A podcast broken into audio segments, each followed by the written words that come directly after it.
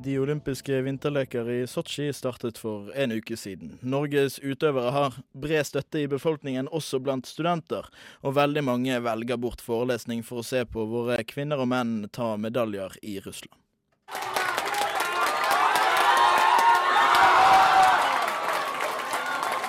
Maiken Caspersen Falla går inn til sprintgull, og den fullsatte puben på UN koker.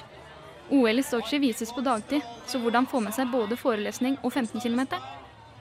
For masterstudent Brede Møller og bachelorstudent Anne Marte Bakke Gabrielsen har ikke OL-tittingen gått hardt utover samvittigheten. Vi har vært her eh, ja, et par timer fort. Ja. ja, det ble vel et par timer, ja. Og det er heller ikke alle grener som er like spennende. Det er litt annerledes. Jeg får det heller med på andre ting. For jeg syns det er litt mer spennende. For langrenn så er vi, vi tapetserer jo alle paller som fins. ja, jeg er litt enig, men jeg ser jo på det som er på. Men det er ikke noen grener jeg går veldig etter. Professor ved Økonomisk institutt, Nico Keilmann, har merket noe frafall av studenter nå i OL-tiden. Men om det er en OL-effekt, vil han ikke spekulere i. Det var eh, litt færre studenter på min eh, forelesning som vi hadde nå sist mandag, mandag denne uken. Om det er en OL-effekt eller ikke, det er eh, noe helt annet. Det tør jeg ikke å si. Noe OL-titting på UN i arbeidstiden har det heller ikke blitt noe av. OL-visningene? Jeg var ikke klar over det, at det fantes sånn.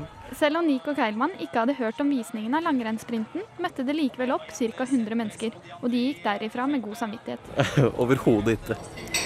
Litt, men eh, det hjelper at det er helt fullt hus her. Så ikke ut som folk hadde så dårlig samvittighet når de satt der i stad, men det ja. Jeg tror ikke de tenkte på studiene whatsoever på slutten der. Og resultatet? går ikke an å være misfornøyd med det her. Tre medaljer, det går ikke an å klage på. Til slutt hørte du Brede Møller. OL i Sotsji er ferdig 23.2, og reporter her var Marte Stulen Aamodt.